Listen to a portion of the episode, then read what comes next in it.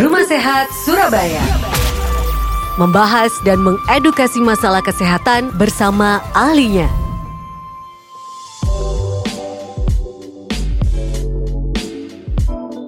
Sembilan FM Merkuri, sahabat dan selamat pagi, sahabat di situasi seperti ini yang selalu saya ingatkan kepada anda adalah social distancing ya, jaga jarak itu lebih lebih enaknya adalah bahasanya jaga jarak. Kemudian Sering-sering cuci tangan menggunakan sabun, sahabat. Itu yang utama sih ya sebenarnya. Dan kalau memang tidak ada sabun ataupun juga air, bisa menggunakan hand sanitizer, sahabat. Yang terpenting kalau nggak penting-penting banget, nggak perlu-perlu banget, nggak urgent-urgent banget di rumah aja. Dan kita ikuti arahan dari pemerintah, sahabat, supaya paling tidak kita bisa menjaga keluarga kita lah ya itu. Dan di hari ini, uh, karena besok itu tanggal merah, sahabat, karena seperti biasa di hari Rabu itu ada rumah sehat. Jadi kita geser rumah sehat. Jadi ada talk show sehat di hari Selasa ini, sahabat bersama dengan uh, narasumber saya, dokter-dokter dari ID Surabaya yang akan hadir memberikan kita banyak edukasi, sahabat supaya kita bisa uh, menjaga diri kita, terutama supaya kita tidak uh, paling tidak bisa menjaga keluarga kita, ya. Dan di studio seperti biasa di uh, talk show Rumah Sehat ya, karena di hari Selasa jadi kita ganti. Jadi ini pre Rumah Sehat ya, Rumah Sehatnya belum tayang tapi Selasa diduluin ya. Baik apa kabar? Assalamualaikum. harus sehat. Harus sehat. Ya. Jadi uh, ini ceritanya dokter-dokter dari Ikatan Dokter Indonesia cabang hmm. Surabaya uh, merasa perlu ini untuk memberikan informasi yang benar, yang hmm. kemudian informasi yang menenangkan masyarakat, hmm. uh, khususnya di Surabaya dan sekitarnya ya, hmm. hmm. dan hal-hal yang baik barangkali nanti bisa disampaikan ke sekitar untuk uh, apa ya namanya dalam kondisi uh, apa namanya wabah COVID-19 ini. Hmm. Kita nanti akan ketahui kira-kira persiapan apa yang dilakukan oleh ID dan apa yang dilakukan oleh ID Surabaya bersama teman-teman dokter uh, sejawatnya dari berbagai spesialis di dalam um, menangani atau juga untuk mengatasi permasalahan ini di Surabaya sebelum nanti lebih jauh ya dokter-dokter ya. Baik ini dokternya cantik-cantik semua di sini. Iya, betul. Sampai kita, kita menunggu dokter ya. gantengnya belum datang ya. dokter ganteng-gantengnya masih belum datang ya. Jadi ada dokter, uh, dokter siapa aja nih? Ya, silakan. Ada dokter Tripudi, Tripudi Asmarawati, spesialis pagi, penyakit dalam. Selamat pagi dokter. Apakah sudah ini? Wah, jadi majukan saja dok, nggak apa-apa dok. Nah, gitu. Kemudian dokter Mayfi Isnoviana. Selamat pagi dokter. Iya terima kasih ya sudah berkenan untuk hadir di ya. Mercury untuk menjumpai para sahabat ya. Mm -hmm. Nah kita sambil menunggu dokter Didin, dokter Ardian ya nanti ya. dokter Ardian SPOG. Uh, eh, kita akan ngobrol-ngobrol dulu. Sebenarnya uh, rencana awalnya gimana sih dok untuk uh, apa namanya acara kegiatan sosialisasi ini. Tujuan sebenarnya apa visi misinya dan juga maksud ini kok sekarang gitu.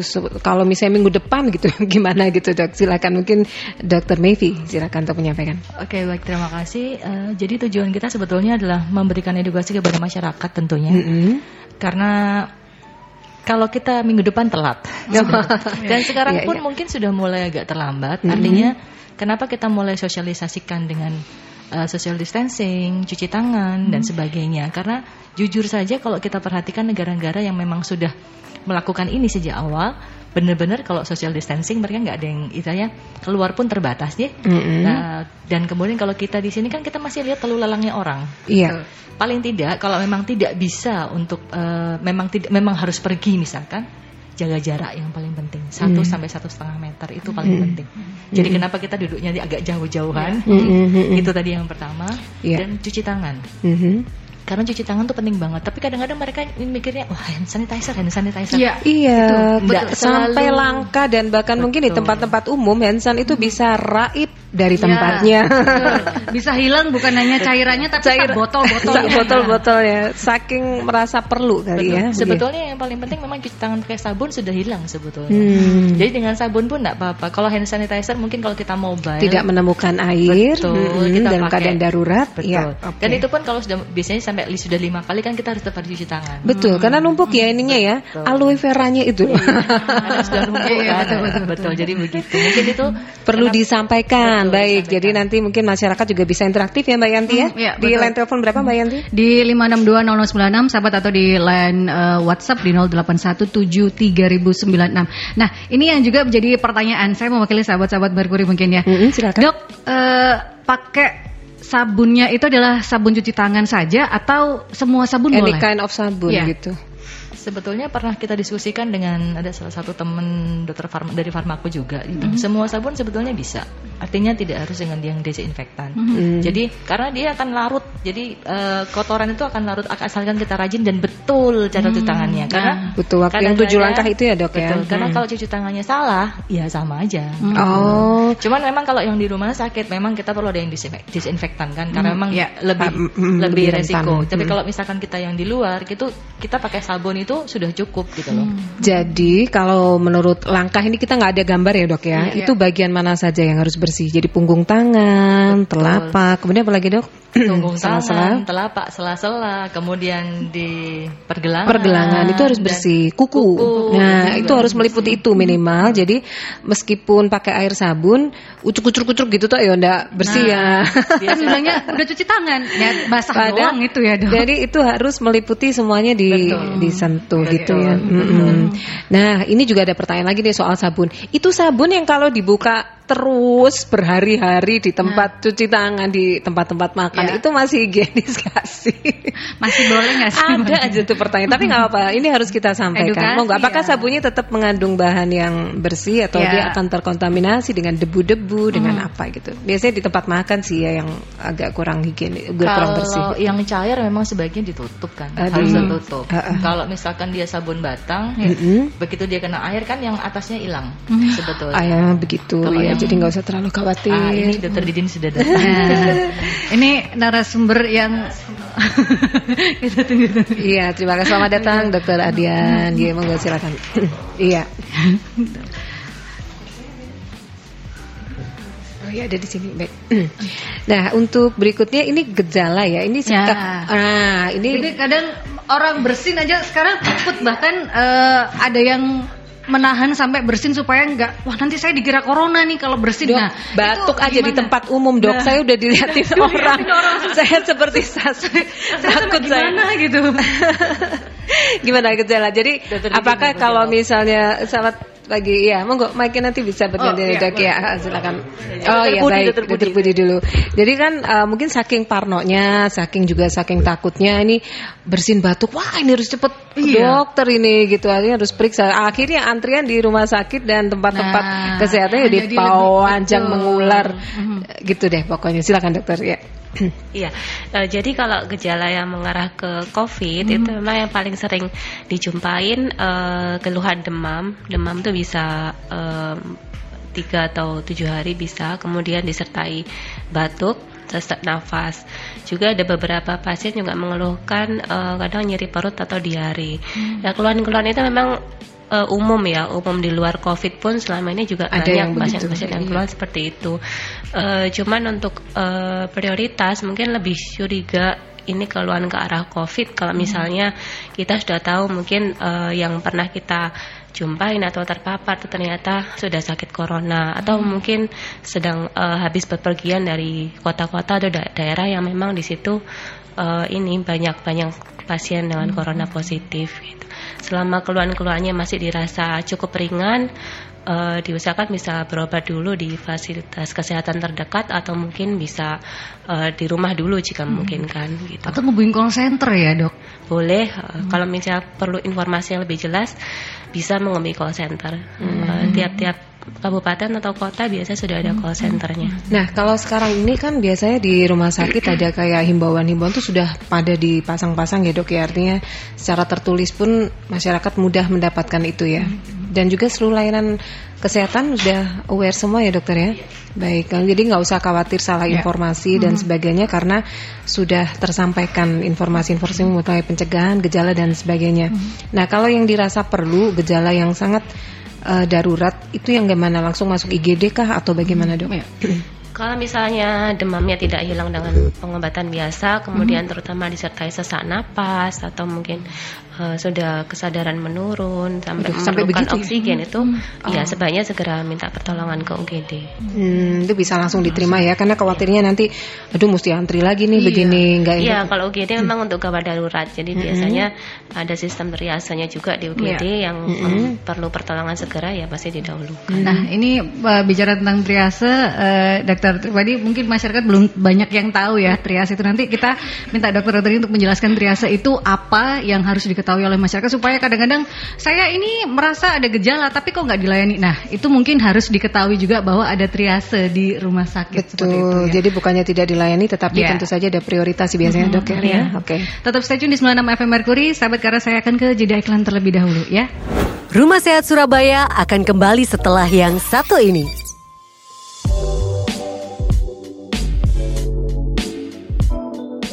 Nama FM Merkuri sahabat dan masih di perbincangan uh, kita talk show sehat ya untuk hari ini sahabat bersama dengan uh, narasumber kita dari ID ya, Surabaya Ikatan Dokter Indonesia cabang hmm. Surabaya yang khusus melakukan uh, roadshow ke berbagai media hmm. untuk menyampaikan apa ya semacam himbauan kepada masyarakat supaya lebih uh, aware, lebih peduli ya. terhadap bahaya COVID-19 ini. Nah, di samping kanan kita, yeah. ini paling ujung. Pemirsa kan nggak, eh, pendengar nggak kelihatan ini ya. Oke, okay, dokter, uh, ada dokter uh, Muhammad, Muhammad Ardian, Ardian Cahya Laksana SPOG MKes. Monggo dok, ini kayaknya minggu-minggu ini paling sibuk iya, dokter untuk dokter. mengurus uh, kejadian-kejadian COVID ya. Uh, mungkin bisa cerita bagaimana laporan pandangan matanya hmm. di masyarakat yang terjadi di rumah sakit, kemudian kejadiannya yang sebenarnya seperti apa dan himbauannya kepada masyarakat. Silakan dokter. Supaya rumah sakit ini nggak menumpuk gitu. Uh, ya. Ini kan dokter yang tahu nih tiap harinya hmm. bagaimana dokter. Kawir silakan dok. Uh, terima kasih. Assalamualaikum warahmatullahi wabarakatuh. Waalaikumsalam. Saya Ardian dari ID Surabaya yang kebetulan juga berdinas di Rumah Sakit UNER yang saat ini menjadi salah satu pusat rujukan. Jadi Rumah Sakit UNER ini ketiban campur, jadi tiap hari kami memeriksa sekitar 150 ya lebih uh, pasien rawat jalan yang merasa dirinya sakit. sakit. Merasa, ya. merasa. Oleh sebab itu penting bagi kami dari ID Surabaya untuk memberikan edukasi ke masyarakat hmm. bahwa uh, siapa yang harusnya datang ke rumah sakit. Ya. Secara prinsip sebenarnya puskesmas di Surabaya sudah siap untuk melakukan uh, deteksi dini ataupun seleksi supaya pasien tidak menumpuk di rumah sakit karena makin banyak orang ke rumah sakit makin beresiko juga untuk tertular. Oleh sebab itu kemarin kami sudah me, me apa namanya memviralkan salah satu himbauan atau uh, algoritma kapan harus pasien itu harus datang ke rumah sakit. Hmm. Karena Surabaya saat ini menjadi salah satu juga yang cukup banyak uh, COVID positifnya, maka uh, prinsipnya uh, harapan kami masyarakat bisa mendiagnosa atau menilai dirinya apakah saat ini sedang uh, sakit atau tidak gitu ya. Sedang sakit itu apa? Apa yang disampaikan dokter Tribudi tadi, ada demam, batuk, pilek, sesak nafas dan ada riwayat kontak positif. Dan kalau memang dirasakan tersebut, maka yang pertama dilakukan silakan hubungi hotline yang ada, baik hotline dari Pemprov, Pemkot ataupun hotline Sutomo maupun Rumah Sakit UNER. Kemudian Uh, kalau memang dirasakan itu bisa datang ke rumah sakit uh, atau ke puskesmas untuk nanti mendapatkan rujukan. Mm-hmm. Jadi kalau pertama apakah dirasakan sakit atau tidak tadi ya. Jadi mm-hmm. kalau sakit hubungi dulu hotline-nya. Mm-hmm. Kemudian baru kemudian kalau hotline tersebut mengatakan Menyarankan, ya, mm-hmm. segera ke puskesmas atau rumah sakit tertentu baru silakan berangkat. datang. Ya silakan mm-hmm. berangkat. Ya. Mm-hmm. Jadi jangan yang terjadi banyak dari uh, pasien-pasien kami itu hanya merasa kontak saja hmm. itu sudah langsung datang berbondong-bondong. Hmm. Padahal ini e, sangat berisiko gitu ya kalau untuk nanti sampai datang ke rumah sakit hanya merasa kontak positif tapi tidak tidak sakit tapi datang ke rumah sakit ini cukup merepotkan juga. Tuh. Kemudian yang tidak sakit, nah, apa yang harus dilakukan? Jadi kalau tidak merasa sakit sebaiknya ya diam di rumah saja ya, diam di rumah beraktivitas di rumah tidak ke keluar ke mana-mana Mungkin itu yang bisa saya sampaikan. Iya, kemudian kalau di rumah sakit secara uh, tindakan dari triase dan sebagainya ya, itu ya. bagaimana? Karena mungkin ada masyarakat yang merasa tidak terlayani karena mungkin ya. ada yang lebih urgent. Hmm. Ya. Kok saya udah datang duluan ini masuk duluan gitu maksudnya gimana dokter? Iya ini uh, di rumah sakit kami melakukan pemilahan. Hmm. Jadi pemilahannya kami lakukan dua dulu yaitu untuk pasien yang memang benar-benar sakit dan ada keluhan hmm. dan pasien yang tidak sakit. Karena banyak pasien yang tidak sakit hanya minta surat keterangan dan lain sebagainya itu juga banyak yang datang ke kami. Hmm. Nah untuk yang tidak sakit kami hanya memberikan uh, informasi dan edukasi. Kemudian kalau memang butuh surat keterangan ya kami akan berikan surat keterangan. Hmm. Tapi pada pasien yang sakit, maka kami lakukan pemeriksaan lebih lanjut. Itu pun nanti hanya pasien-pasien tertentu yang ditentukan oleh dokter spesialis paru yang bisa dilakukan swab, swab atau apa namanya uh, pemeriksaan COVID. Hmm. Itu kalau hmm. memang benar-benar dicurigai. Hmm. Kita ketahui ada kriteria UDP dan PDP. Yeah. Hmm. Nah, kita uh, dari sini semua nanti dari dokter paru yang akan menentukan hmm. mana yang akan dilakukan pemeriksaan PCR uh, eh, COVID. Itu cukup akurat ya dokter ya untuk uh, akurat untuk saat ini cukup akurat. Uh -huh. Jadi sebenarnya masyarakat khususnya di Surabaya tidak usah khawatir karena sebenarnya untuk hal-hal tersebut sudah dipersiapkan oleh tim medis rumah sakit yang bersedia untuk ini di mana saja dokter? Uh, sudah ditunjuk 14 rumah sakit. Mm -hmm. uh, saya nggak hafal 14-nya, tapi dari dinas kesehatan sudah menunjuk 14 rumah mm -hmm. sakit. Mm -hmm. Diharapkan rumah sakit rumah sakit tersebut sudah bisa melakukan mm. pemeriksaan. Dan rumah sakit UNER sejak awal memang yeah. aktif melakukan. Baik. Uh, dari kejadian-kejadian itu sudah ada yang sembuh juga dokter mungkin secara dari informasi uh, ya, yang di UNER ya.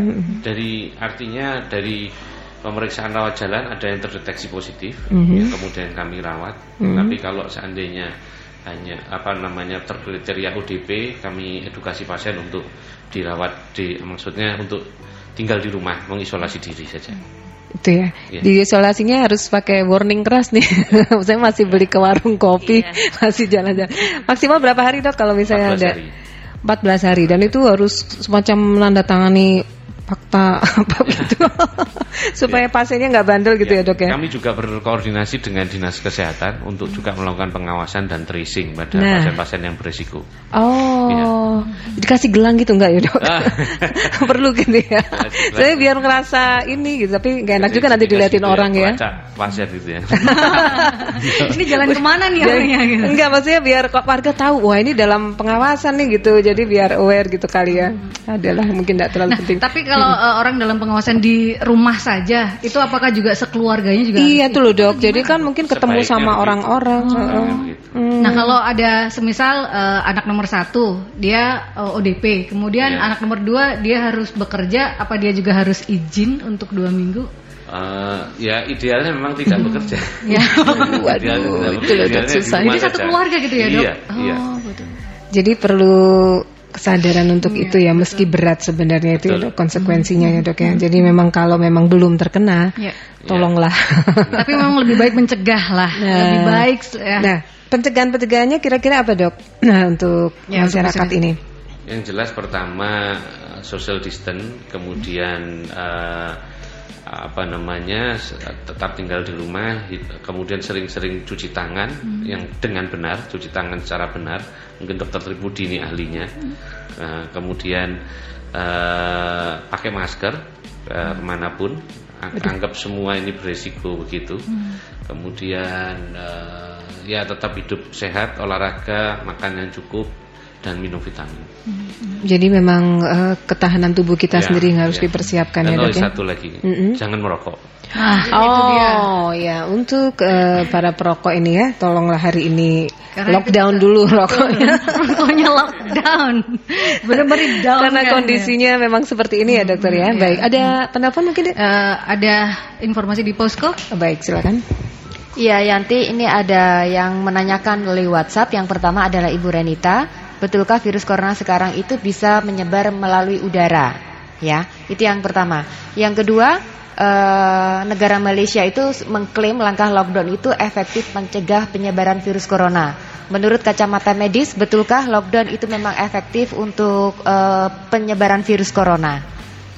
Oke. Okay. Ya, itu beberapa pertanyaan. Silakan, Silakan. dokter yang akan menjawab mungkin. Uh, Betulkah virus corona Untuk yang pertama mungkin ya, kalau ya. yang hmm. virus corona apakah bisa menyebar di udara?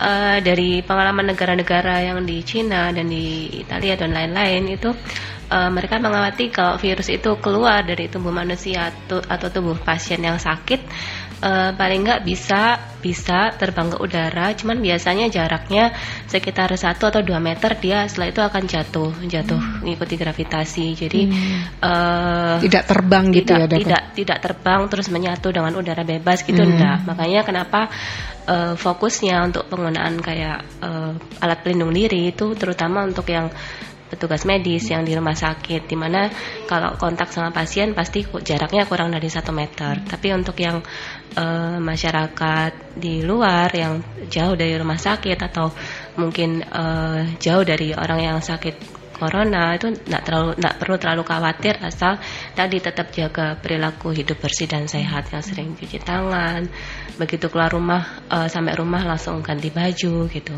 jadi penularannya itu hanya menempel di tubuh manusia begitu maksudnya? bisa iya hmm. perkiraan dia bisa menempel dan bertahan beberapa jam di benda-benda hmm. tapi akan hilang kalau misalnya dicuci atau diberikan desinfektan nah itu tadi ya Bu ya semoga bisa menjawab jadi virus ini tidak bertahan di udara, tidak miber-miber, ya, jadi tidak seperti ha, begitu ya bisa langsung jatuh. Ada jaraknya juga hmm. ya dari virus ini. Nah, dan yang terpenting juga mengubah uh, kebiasaan. Biasanya kalau pulang ke rumah duduk dulu ya, itu hmm. pulang ke rumah pulang harus ke kamar mandi langsung baju langsung di ini diturunkan semuanya. Baik, buat selanjutnya apa tadi? Uh, ini apakah uh, efek lockdown? Nah, lockdown dok. Ini ya, dokter Ardian mungkin yang. Ya, terima kasih. Jadi ID, PBID sudah memberikan statementnya bahwa hmm. meminta memang saat ini lockdown dirasakan dari di beberapa negara adalah yang paling efektif untuk hmm. mencegah penyebaran uh, virus corona. Namun kami hanya bisa menghimbau dari PBID pusat kemarin sudah merilis untuk hal itu, namun keputusan tetap ada di tangan pemerintah. Hmm. Ya, ya kalau bicara itu ya banyak kepentingan yeah, juga ya, banyak keperluan, betul, banyak betul, kepentingan betul. yang mm -hmm. kita ikuti dulu yang ada. Cuman sudah dihimbau bahwa mm. sebenarnya keputusan itu mungkin yang terbaik dari uh, masyarakat kesehatan mm. ya, dari para uh, praktisi kesehatan. Baik, kita lanjutkan kembali. Ada penelpon lagi atau WA? Belum ada ya? Uh, belum ada dan ini -hmm. yang biasa mungkin uh, ditanyakan juga bahwa uh, harus menggunakan masker. Nah, masker kan sekarang langkah. Apa boleh pakai masker kain? Nah, masker kain. Itu boleh sampai gak? apa pun di taruh di uh, uh, yeah. gitu. Apakah itu efektif, Dok? Itu. Uh, kalau yang masker kain itu biasanya cuma untuk uh, melindungi dari debu-debu sebenarnya. Jadi hmm. kok uh, tidak bisa menjamin uh, dia bisa menyaring virus atau bakteri gitu. Hmm. Jadi ya uh, bisa dibilang pakai masker kain dan tidak pakai ya sama saja. Gitu. Oh, Mungkin jadi yang benar adalah aja. Hmm. Jadi ditambahin dokter silakan. Mungkin bisa nyambung sedikit Monggo. karena ada titipan juga ulang. Dokter Ini saya lihat kok pegawai toko kemudian apa namanya uh, pegawai pom bensin yeah. kok nggak ada yang pakai masker. Yeah. Kalau mereka sebetulnya tidak sakit kan nggak perlu yeah. ya dokter ibu dia. Jadi artinya hmm. kalau mereka nggak sakit ya nggak apa-apa apa sebetulnya. Juga. Cuman kan kita kan jadinya paranoid. Akhirnya yeah. masker, masker diborong, yeah. tenaga medisnya kekurangan. Yeah, nah gitu, itu ya jadi ya. Karena yang merasa nggak apa-apa pun juga sibuk. Yeah, uh, uh, takutnya ini apa di dalam segala hal harus pakai masker gitu ya. Nah, Sarung tangan juga dok. Sekarang kan nah, semua pegawai-pegawai itu kan, pada iya. pakai gitu kan. Kan betul dokter Didin bilang bahwa yang penting selain kita harus apa namanya jaga kesehatan, sering cuci tangan. Hmm. Mungkin hmm. minum minum multivitamin, hmm. makanan yang bergizi, hmm. itu sudah sudah daya tubuh pasti insya Allah akan naik itu. Jadi hmm. nggak hmm. usah terlalu panik. Memang kadang-kadang jadinya paranoid kan. Yeah. Semua hmm. terus masker diborong. Butuh banget kayaknya. Kita ke lebih berharga dari perhiasan ya sekarang. Harganya, bisa 100 Aduh. kali lipat. Iya. Jadi toko online-online pada jual-jual ya Allah dengan harga yang berlipat-lipat kan ngeri ada dokter. Ada yang sejuta bayangkan. Tapi kadang-kadang mereka please. akhirnya memanfaatkan kan ya, situasi ya. seperti ini akhirnya cari untung. Nah itu cari hati nuraninya di mana ya? Sampai nah. akhirnya ada meme-meme soal jenazah yang menjual menimbun itu akan ada azab. azab menimbun. Tolonglah ya. Jadi sebenarnya uh, yang benar adalah yang sakit yang atau ada masalah gitu ya. dengan kesehatan gitu ya. Dan pakainya nggak usah dibalik-balik dulu juga ada ya. info yang pakai masker yang putih Bahkan di luar. Dan itu ada maksudnya kan kenapa kainnya yang di depan begini, yang di belakang begitu kan dok? Iya, Iya banyak. Jadi yang di depan itu anti air gitu ya? Yang di depan itu yang bisa nyaring ini, nyaring partikel-partikel hmm. kayak virus, bakteri. Yang di dalam itu emang dibuat lembut biar Karena bisa hmm. menyerap ini uap air dari udara napas. Nah, jangan dibalik-balik ya. Kan bisa ngembun kalau enggak. Iya. Walaupun kan tetap aja berembun. Iya, iya, iya betul dok. Iya, nah, iya. Uh, karena kan saya sebelum ada kejadian ini juga pakai masker karena saya ada alergi dok. Okay, nah ya. itu boleh kan ya dok? Iya, yang merasa merasa sakit, Perlu. potensi nularkan ke teman atau ke orang sekitar boleh pakai masker. Karena saya kalau ada debu itu sudah ya. bersin. Nah kalau sekarang bersin aja orang sudah, iya, iya udah diliatin orang sekarang. saya jadi, waduh, paranoid ya. Gitu. Jadi uh, itu yang terpenting kalau nggak uh, kalau anda masih sehat. Tangan. Yang penting hmm uh, kita tahu kok dengan cuci tangan itu virus-virus dan kuman juga sudah mati. Hmm. Baru kalau misalnya kita sakit, terutama sakit yang di saluran pernafasan, yang keluhannya uh, batuk, bersin, itu baru pakai masker. Tujuannya supaya tidak menularkan ke orang sekitar. Hmm. Bukan berarti nanti orang semua yang sehat pakai masker, yang sakit malah tidak pakai masker. Jadi prioritas prioritasnya terutama untuk yang sakit mm -hmm. supaya tidak menularkan ke orang lain mm -hmm. dan yang kedua untuk tenaga medis karena mm -hmm. mereka pasti yeah. akan kontak erat dengan pasien-pasien mm -hmm. dengan keluhan saluran pernafasan. Iya, mm -hmm. itu yang terpenting ya. Mungkin kembali ke Dokter Didin ini kalau melihat kenaikan angkanya ya. Kita terkejut kan mungkin tiap hari itu dol dol dol gitu ya. Itu apa sih dok? Apakah memang masyarakatnya yang belum paham atau memang virus yang kecepatan larinya atau apa gitu? Mungkin ada virusnya lari nih kayaknya nih. Atau bikin estafet sendiri. Jadi eh, apa yang membuat peningkatan ini kira-kira menurut dokter di masyarakat Surabaya aja? Iya. Pertama, memang virus ini sangat virulen ya, sangat cepat sekali menyebar karena hmm. tadi dikatakan droplet. Nah, kemudian yang kedua eh, di level masyarakat, sepertinya perlu perlu lagi diingatkan atau dikampanyekan secara masif tentang uh, bekerja di rumah dan uh, social distancing ini. Dan uh, sebenarnya kami sangat mendukung apa yang dilakukan Kapolri kemarin dengan maklumatnya yaitu akan membubarkan kerumunan massa ya orang-orang yang kungku-kungku bahkan untuk yang uh, apa namanya nikahan pun tidak akan mendapatkan izin gitu ya untuk uh, perhelatan persepsi dan sebagainya. Ini kami sangat mendukung. Jadi kalau memang pilihannya bukan lockdown, tapi paling enggak memang apa yang dilakukan pemerintah dengan mengkampanyekan social distancing, kemudian uh, apa namanya bekerja di rumah itu yang harus harus didukung oleh semua lapisan masyarakat. Hmm. Uh, kayaknya memang masih ini ya uh, kurang sadar ya mungkin ada anak-anak muda biasanya kadang, suka meremehkan. Kadang orang tuh banyak berpikiran gini, aku enggak kalau apa-apa. Gitu. Kalau wayai mati yo mati. Nah, saya tuh sakit hati kalau ada orang kayak di tengah suasana yang kayak gini tuh, aduh. Terus ini uh, tetap ada interaksi mungkin di pasar-pasar ya. dok di masyarakat bawah yang begitu bagaimana sih dok? Kita perlu antisipasinya seperti apa? Karena pasti kan kita masih butuh sayur, ya. ikan dan sebagainya di pasar yang nggak memungkinkan untuk mesti jauh-jauhan gitu ya belanjanya. kalau memang pas pasar nggak mungkin ditutup, ya. paling nggak ketika belanja jangan menggerombol gitu ya. Oke, okay, hmm. jadi ya, menghindari. Kemudian ada yang hmm. mengingatkan. Jadi hmm. ketika yang bergerombol itu diingatkan untuk tidak bergerombol begitu. Iya. Ya. Jadi harus ada antrian yang berjarak hmm. begitu ya, seperti di tempat-tempat antrian begitu ya. Jadi di pasar pun seharusnya disediakan oh, iya, tempat iya, untuk cuci tangan. Betul, iya iya. Jadi itu jadi mungkin uh, kepala pasar atau siapa pun yeah. yang di situ bisa menghimbau supaya orang juga nggak takut ke pasar, tetapi hmm. juga tetap menjaga ya dokter ya. Pintu masuk dan keluar mungkin ya dok itu harus ada gitu ya. Uh, yang yang bikin cepat nular itu karena gerombolan itu memang yang sering ya dokter ya, Betul, berkerumun apa gitu ya. ya. Oh. Dia kemudian kalau kurang dari satu meter kan dia bisa menularkan hmm. ke semua orang. Iya iya iya. Bersin, ketika batuk dan sebagainya. Jadi bersin batuk hmm. itu juga ada etikanya ya dok ya. ya. Nah itu yang mesti diperhatikan tidak asal nyemprot ya mungkin ini kadang, bu, kadang orang itu uh, sampai dengan beberapa waktu yang lalu adalah pakai telapak tangan. Iya, ya itu ya dok. Itu, mm -mm, mm -mm. itu yang harus dirubah. Gak boleh lagi ya dok ya. Bahu ya. Pakai bahu ya sekarang iya, ya. Ditutup dengan lengan baju hmm. atau pakai tisu. Oh, Nanti setelah langsung, selesai tisunya langsung dibuang, dibuang terus cuci tangan. Oh, okay. begitu. Itu, itu yang harus dirubah. Agak repot-repot dikit tapi ya itulah yang hmm, terbaik ya. Yang dirubah. Jadi dan harus dibiasakan. Sisi positifnya adalah merubah gaya hidup kita mulai dari sekarang juga, hmm, sahabat. Saya mau ke posko lagi. Baik, silakan. Ya, Yanti ini ada Ibu Ida tanya melalui WhatsApp, kalau daerah kita dinyatakan aman dan tidak masuk zona merah seperti yang dirilis Pemkot Surabaya kemarin, masih amankah anak-anak kita bermain di luar? Hmm. Sebab uh, saya termasuk salah satu ibu yang agak sulit memberi pemahaman kepada anak-anak usia remaja supaya mereka tidak uh, main di luar rumah. Apalagi sekolahnya diliburkan ya, ya Bu ya, kayak pusing juga Jadi nih. dia main sama teman-temannya di luar kayak gitu dok. Gimana Karena nggak ada aktivitas. Bagaimana dokter silakan. Ya, meskipun kita tidak di zona merah, kami sarankan lebih baik berhati-hati.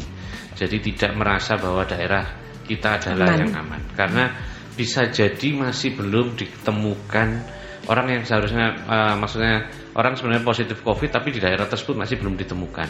Jadi lebih baik berhati-hati dan tidak uh, beraktivitas di luar.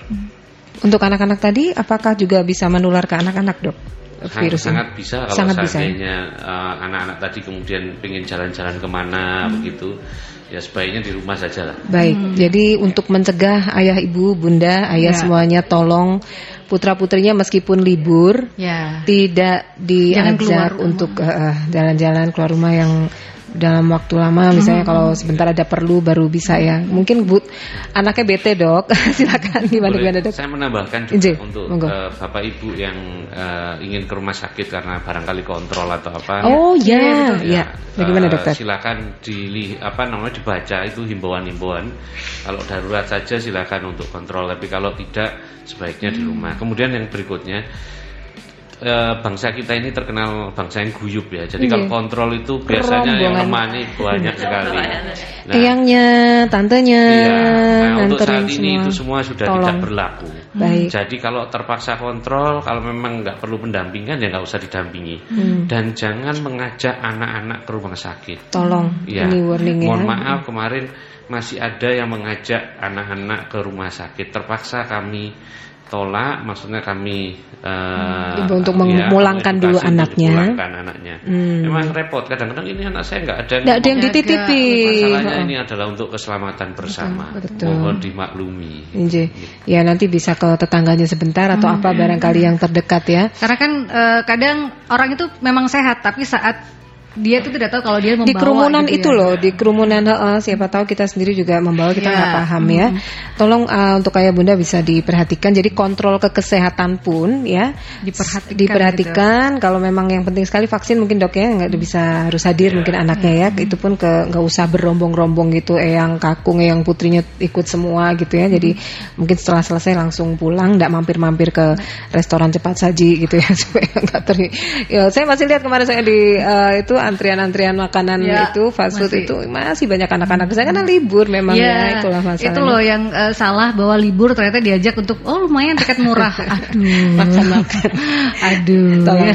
Baik, ini uh, kabarnya kan, ide juga menerima bantuan-bantuan nah, untuk alat pelindung ini sebenarnya untuk siapa? Apakah untuk masyarakat atau untuk monggo dokter Sebenarnya dokter Budi, uh, karena um, kami tahu bahwa masyarakat ini akan sangat berbondong-bondong ke rumah sakit dan petugas medis sangat uh, tidak sebanyak itu dan ada keterbatasan. Silakan dokter Budi Pras baru yeah. muncul. Baik, terima kasih. Jadi hmm. kalau memang uh, ini memang uh, menampung donasi ya, tapi itu sekali lagi bukan berupa uang, jadi tidak berupa hmm. uang. Jadi kita memang mengumpulkan donasi untuk APD untuk siapa? Memang untuk anggota kami uh, yang bertugas di uh, garda depan ya. Jadi memang dari FKTP dan sebagainya siapa pun yang membutuhkan nanti bisa koordinasi dengan ID. Tapi sekali lagi ini memang uh, kami tidak menerima apa pun uh, apa namanya berupa uang. Oleh karena uh, yang uh, nanti kami akan sulit untuk melakukan apa namanya uh, yang paling sulit sebenarnya sekarang ini adalah mendapatkan barang yang mungkin semuanya sudah tahu paham mungkin ya. sekarang masker itu langka jadi sekali. masker kemudian sarung tangan ya dok ya uh, uh, kemudian uh, hand sanitizer mm -hmm. kemudian ada juga yang kemarin sabun. menyumbangkan sabun, sabun hijau banyak banyak hmm, juga. Terima kasih don bahan makanan, susu yang kami distribusikan ke mana mana uh, mana uh, residen-residen kami yang sedang bertugas, bertugas. di ya. Uh, jadi harapan kita memang kita tepat uh, terima kasih partisipasinya dan sangat appreciate sekali. Jadi langsung ada respon ya. Sudah berapa uh, hari ini ya? Mungkin satu dua hari ini. dua hari ini tapi memang responnya luar biasa. Terima kasih terima atas kasih. kesadarannya uh, ya, ya. Ternyata uh, kita semua memang masih peduli ya dok Masih ya? sangat peduli terhadap sesama. Jadi masih ini dibuka terus ya. Silakan. Itu ke mana dok? Kalau uh, pengen memberikan uh, Misalnya barang-barang APD itu ke kantor ID Surabaya bisa jalan Profesor Mustopo 117 117 uh, mm -hmm. Surabaya ya. Bisa ketemu dengan Mbak Eki ya, Mbak di sana Eki, dari atau pesannya Dokter Mevi ini. Dokter Oh, Dokter Mevi ya. Hmm, Baik. Dokter mau menyampaikan sesuatu mungkin berkaitan dengan ini ya. silakan Dokter. Uh, terima kasih banyak. Jadi kita ini uh, di saya di WA, di telepon berapa menanyakan mm -hmm. dan kami memang berharap yang dikirimkan memang uh, APD. Kalau misalkan tidak dapat APD uh, kan cari masker yang sesuai kriteria kan susah. Betul. Dok, saya boleh nggak ngirim yang begini? Boleh nggak ngirim yang pakai kain? Boleh nggak yang begini? Mm -mm. Pada dasarnya sih kita tidak menolak, tetapi kalau memang kita lebih utamakan adalah yang benar-benar yang bisa dipakai untuk uh, teman-teman di garda depan ya di rumah sakit tentunya. Yang standar medis ya Betul. dok ya. Dan uh, kalau misalkan um, mereka bersedia, kita lebih mungkin boleh lah susu gitu nggak apa kan hmm. nanti juga dikirimkan ke teman-teman biskuit gitu nggak apa-apa hmm. ada barusan saya ditelepon mau dikirimin aqua oke saya terima karena nanti kita akan salurkan karena hmm. kadang-kadang mereka kan nggak sempat untuk minum juga iya jadi ngambilnya kan jauh juga ya iya. ya jadi jadi seperti itu yang mungkin bisa disampaikan dan memang kadang-kadang ada yang menumpangi juga di situ. Hmm, jadi ada yang numpangi. Numpang. Numpang ini dikira angkot. Jadi waktu pada saat sebelum kita bikin meme, kita bikin kan pakai belas gitu kan. Kemudian ternyata ada, ada atasnya diedit Oh. Uh, boleh ini ini butuh ini kita butuh pakai rekening bla bla bla bla. Oh, Tuhan. Padahal kita kan nggak kita nggak minta itu sebetulnya. Ini Gimana? kalau judul lagu tuh teganya teganya iya. teganya gitu ya. Intinya ID tidak menerima bentuk uang hmm. gitu.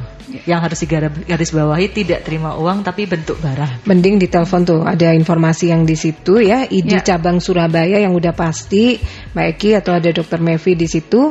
Silakan ditanyakan uh, apa saja gitu. Pasti kan jawabnya sama semua artinya kalau hmm. ada tambahan-tambahan seperti itu kan oknum yang tidak bertanggung jawab ya dok ya kok ya ada aja ya dok ya Tuhan nah, ada yang nyumbang alkohol oh katanya mau nyumbang alkohol satu drum makanya bingung juga lo nyimpennya Oh, kalau yang begitu agak susah ya, ya dok. Ya. kan kita kalau 95% kan juga susah. Kita oh, terbakar ya. ya. Jadi kalau memang mau dikirim kita telepon-telepon dulu sama rumah sakit yang butuh mana mau distribusikan dalam jadi mereka bersedia baru baru dikirim ke lokasi ya. yang membutuhkan jadi ya. Mendingan yang ya yang gampang-gampang artinya yang mereka bisa cari lah tidak usah terlalu susah. Oke, okay.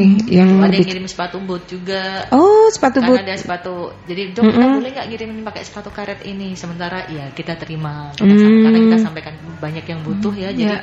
ya kita terima. Yang agak susah sekarang emang Google ya. Ya, Google Glass gitu. Kemarin kemudian baju hamsut itu juga susah banget. Kemarin ada begitu ditelepon katanya mau ditelepon mau di, katanya 400 sudah diborong orang. Nggak tahu yang borong siapa. Oh, mudah-mudahan mudah diserahkan nanti ke itu digunakan dengan tepat ya mudah-mudahan rumah sakit bukan karena dijual kalau, lagi ternyata. ya, dijual lagi.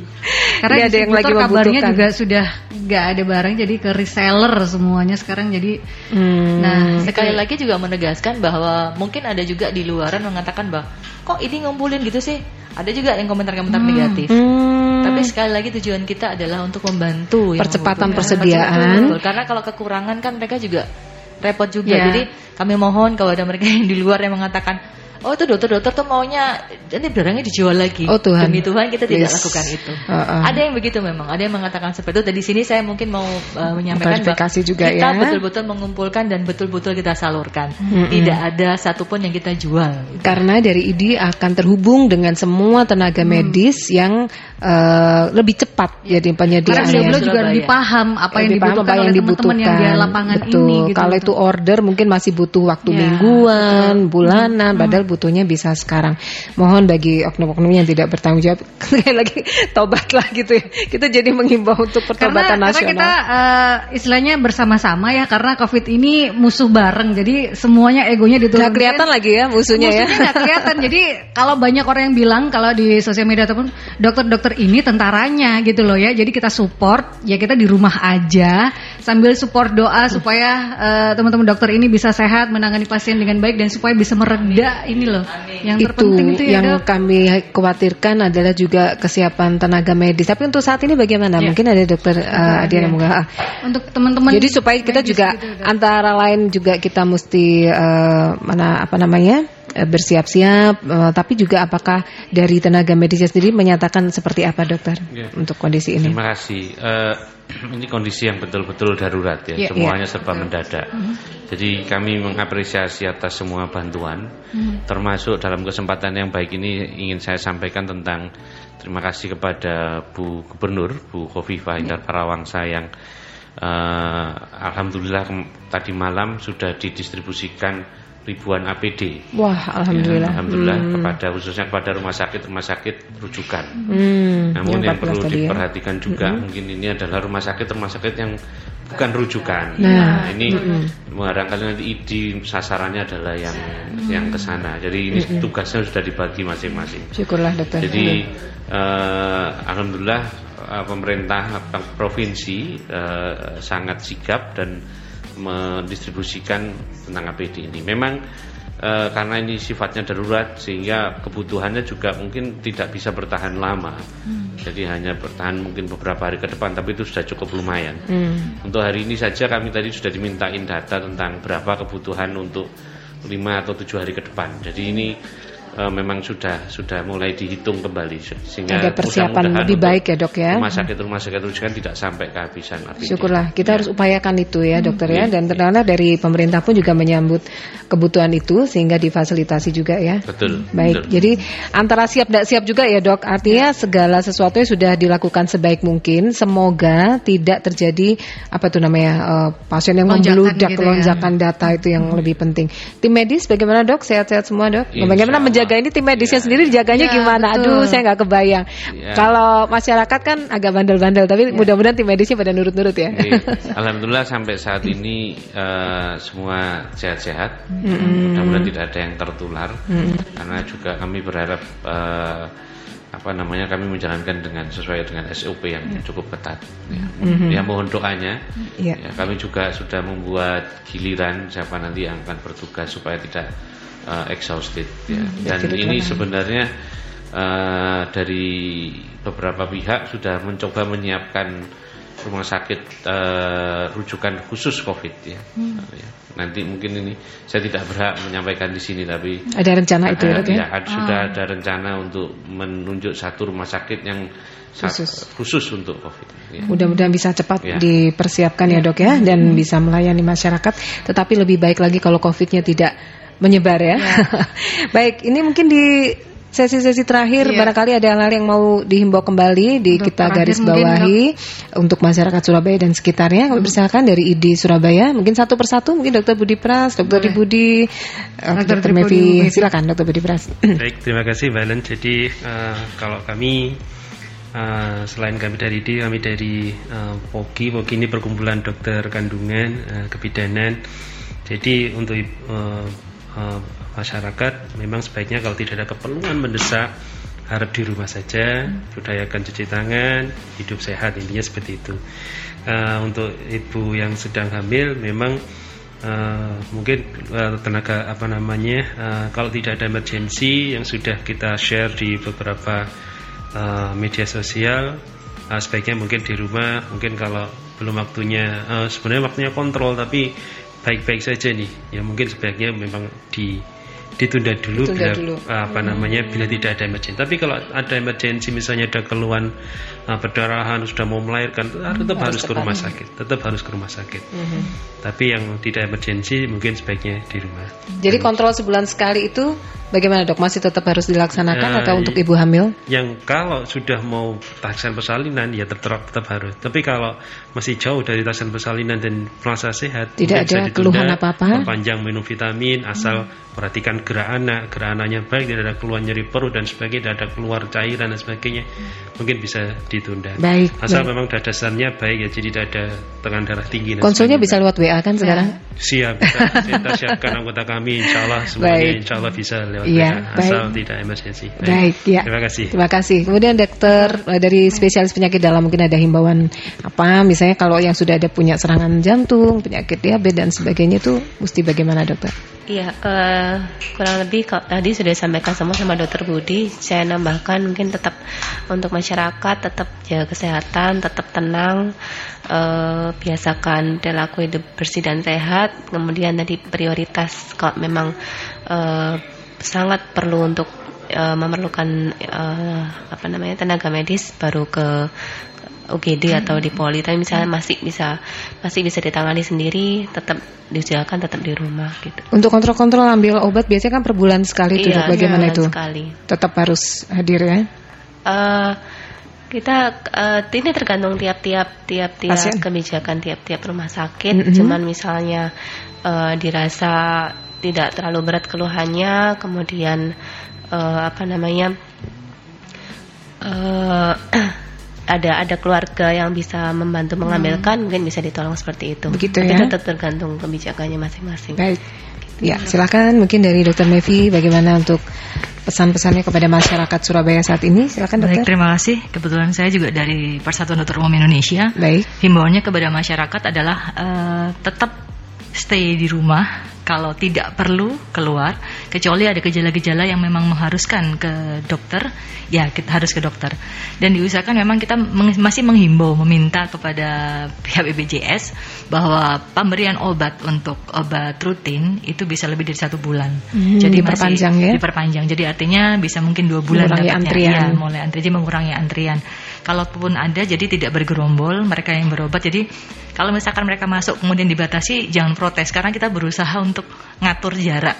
Hmm. Jadi mereka datang kita usahakan sesuai dengan duduknya juga Urutan. agak berjauhan dan Mhm. urutan. Kemudian kalau memang belum waktunya ya jangan masuk jangan da- masuk dulu. Hmm. Karena kadang-kadang mereka kan oh lagi duduk sini dulu bisa dempet-dempet tapi sekarang kan kita nggak bisa. Iya, iya. Kali gimana pun juga dan ja- jangan bawa anak kecil selalu. Tolong. Hmm, hmm, hmm. Kecuali sakit. Kadang-kadang bayinya dibawa itu kan repot. Aduh, iya. Padahal kalau sudah begitu kalau di dalam apa FKTP kan kalau udah nyampur kan kita nggak tahu mana yang sakit mana yang Iya, enggak. iya. Tapi mereka gerombol. Saya eh, minta itu aja dan Mhm. tetap jaga jarak dan Mhm. patuhi apa yang dianjurkan oleh pemerintah juga Mhm. dari ID juga Mhm. karena ini demi kesehatan bersama Iya, bukan mhm. untuk di Kepentingan saya, ini. saya agak sedikit menyinggung eh, tadi Mbak bilang kan kalau ada yang ngapain takut om kita sehat loh. Nah. Iya, iya, ya kita iya, iya, mencegah, iya. harus Mencegah, iya, mencegah. iya, iya. Kita tetap mencegah, artinya kita harus Sadar. tetap berperilaku yang memang harus kita cegah gitu loh. Jadi jangan merasa bahwa oh aku enggak apa-apa. Mm-mm. Ya kita tetap harus waspada. Sebaiknya enggak usah keluar rumah itu aja. Baik, iya. Jadi artinya kita akan berusaha membantu semuanya yang di rumah Mhm. yang rumah sakit maupun di FKTP tapi tolong bantu kami Kerjasamanya dengan di Iya, masyarakat itu untuk Bareng-bareng karena ini Iya. lawannya adalah semua orang Betul. bareng-bareng Iya, untuk semuanya masyarakat sekitar. ya. Baik, silakan Bukan gongnya ini dokter Nah, Didi iya. gong gitu ya. silakan dokter. Ya, pertama eh, sudah ada banyak apa namanya aplikasi atau website untuk Ya, mendiagnosa diri sendiri. Oh ya, biasa mendiagnosa diri Ya, sendiri ya. Mohon Mm. itu Dilakukan. dilakukan, dilakukan sebelum diputuskan untuk ke rumah sakit. Itu pertama. Kedua, datanglah ke rumah sakit kalau memang ada gejala atau ada keluhan. Jadi jangan berbondong-bondong datang ke rumah sakit. Ya. Eh, jadi untuk Surabaya, untuk Surabaya, kalau ada keluhan bisa datang ke puskesmas. Puskesmas sudah siap. Nanti kalau memang terklasifikasi atau terdiagnosis, maka puskesmas akan eh, berkoordinasi dengan tim PNR di Rumah Sakit Dr. Sutomo baru dirujuk ke rumah sakit. Sehingga sistem sudah ada sampai dengan pembiayaan juga sudah ada, tapi saya garis bawahi pembiayaan hanya dibiayai untuk yang sakit, yang terdiagnosis. Ya, terima kasih. Baik, itu penting juga dok. Katanya kan memang bayi biaya ini sempat dikhawatirkan oleh masyarakat, tetapi tadi sudah ditegaskan untuk yang sudah terdiagnosa akan bebas dari biaya. Baik, Duh, Nah, terima kasih sekali terima kasih, ya. Mudah-mudahan bermanfaat ini Betul. talk show-nya. Semoga Saya sih- sehat selalu ya dok ya. Nah ini sehat-sehat selalu untuk para medis karena beliau-beliau inilah Penting lah. sahabat ujung tombak kita. Kalau ada satu yang sakit, ada berapa pasien yang tidak akan terobati. Itu yang ya. terpenting. Jadi Baik. kita bantu, Mm-mm. kita bantu pemerintah, kita bantu para medis, sahabat. Kalau nggak penting-penting banget di rumah aja, di rumah aja, di rumah aja. Saya gemes banget sama Ngopinya orang bisa di rumah, ya kan? Kalau mau nongkrong Itu- bisa video call. Iya, Saya- pesan saya makanan ber- bisa saya lewat online. bisa video pesan call. makanan online kan cukup Betul. gitu ya. Jadi nggak perlu ketemu-ketemu anaknya juga ya, Iya. diseneng-senengin lah di rumah ya. Oh, Ada quality time sama anak sekarang. Baik, terima kasih, sukses semuanya. Mudah-mudahan yang jadi eh, apa namanya harapan dari ID Surabaya akan tercapai dan Surabaya bisa menekan angka penderita ini ya. Baik, terima kasih Yanti. Silakan saya kembalikan. Nah, saya eh, akan tetap menemani Anda di perjalanan lintas kota. Sahabat jadi tetap saya Juli 96 FM Mercury dan lagi-lagi selalu saya ingatkan kepada Anda sering-sering untuk mencuci tangan menggunakan sabun itu yang utama. Tapi kalau tidak ada sabun dan juga air, mungkin Anda bisa menggunakan hand sanitizer, sahabat ya.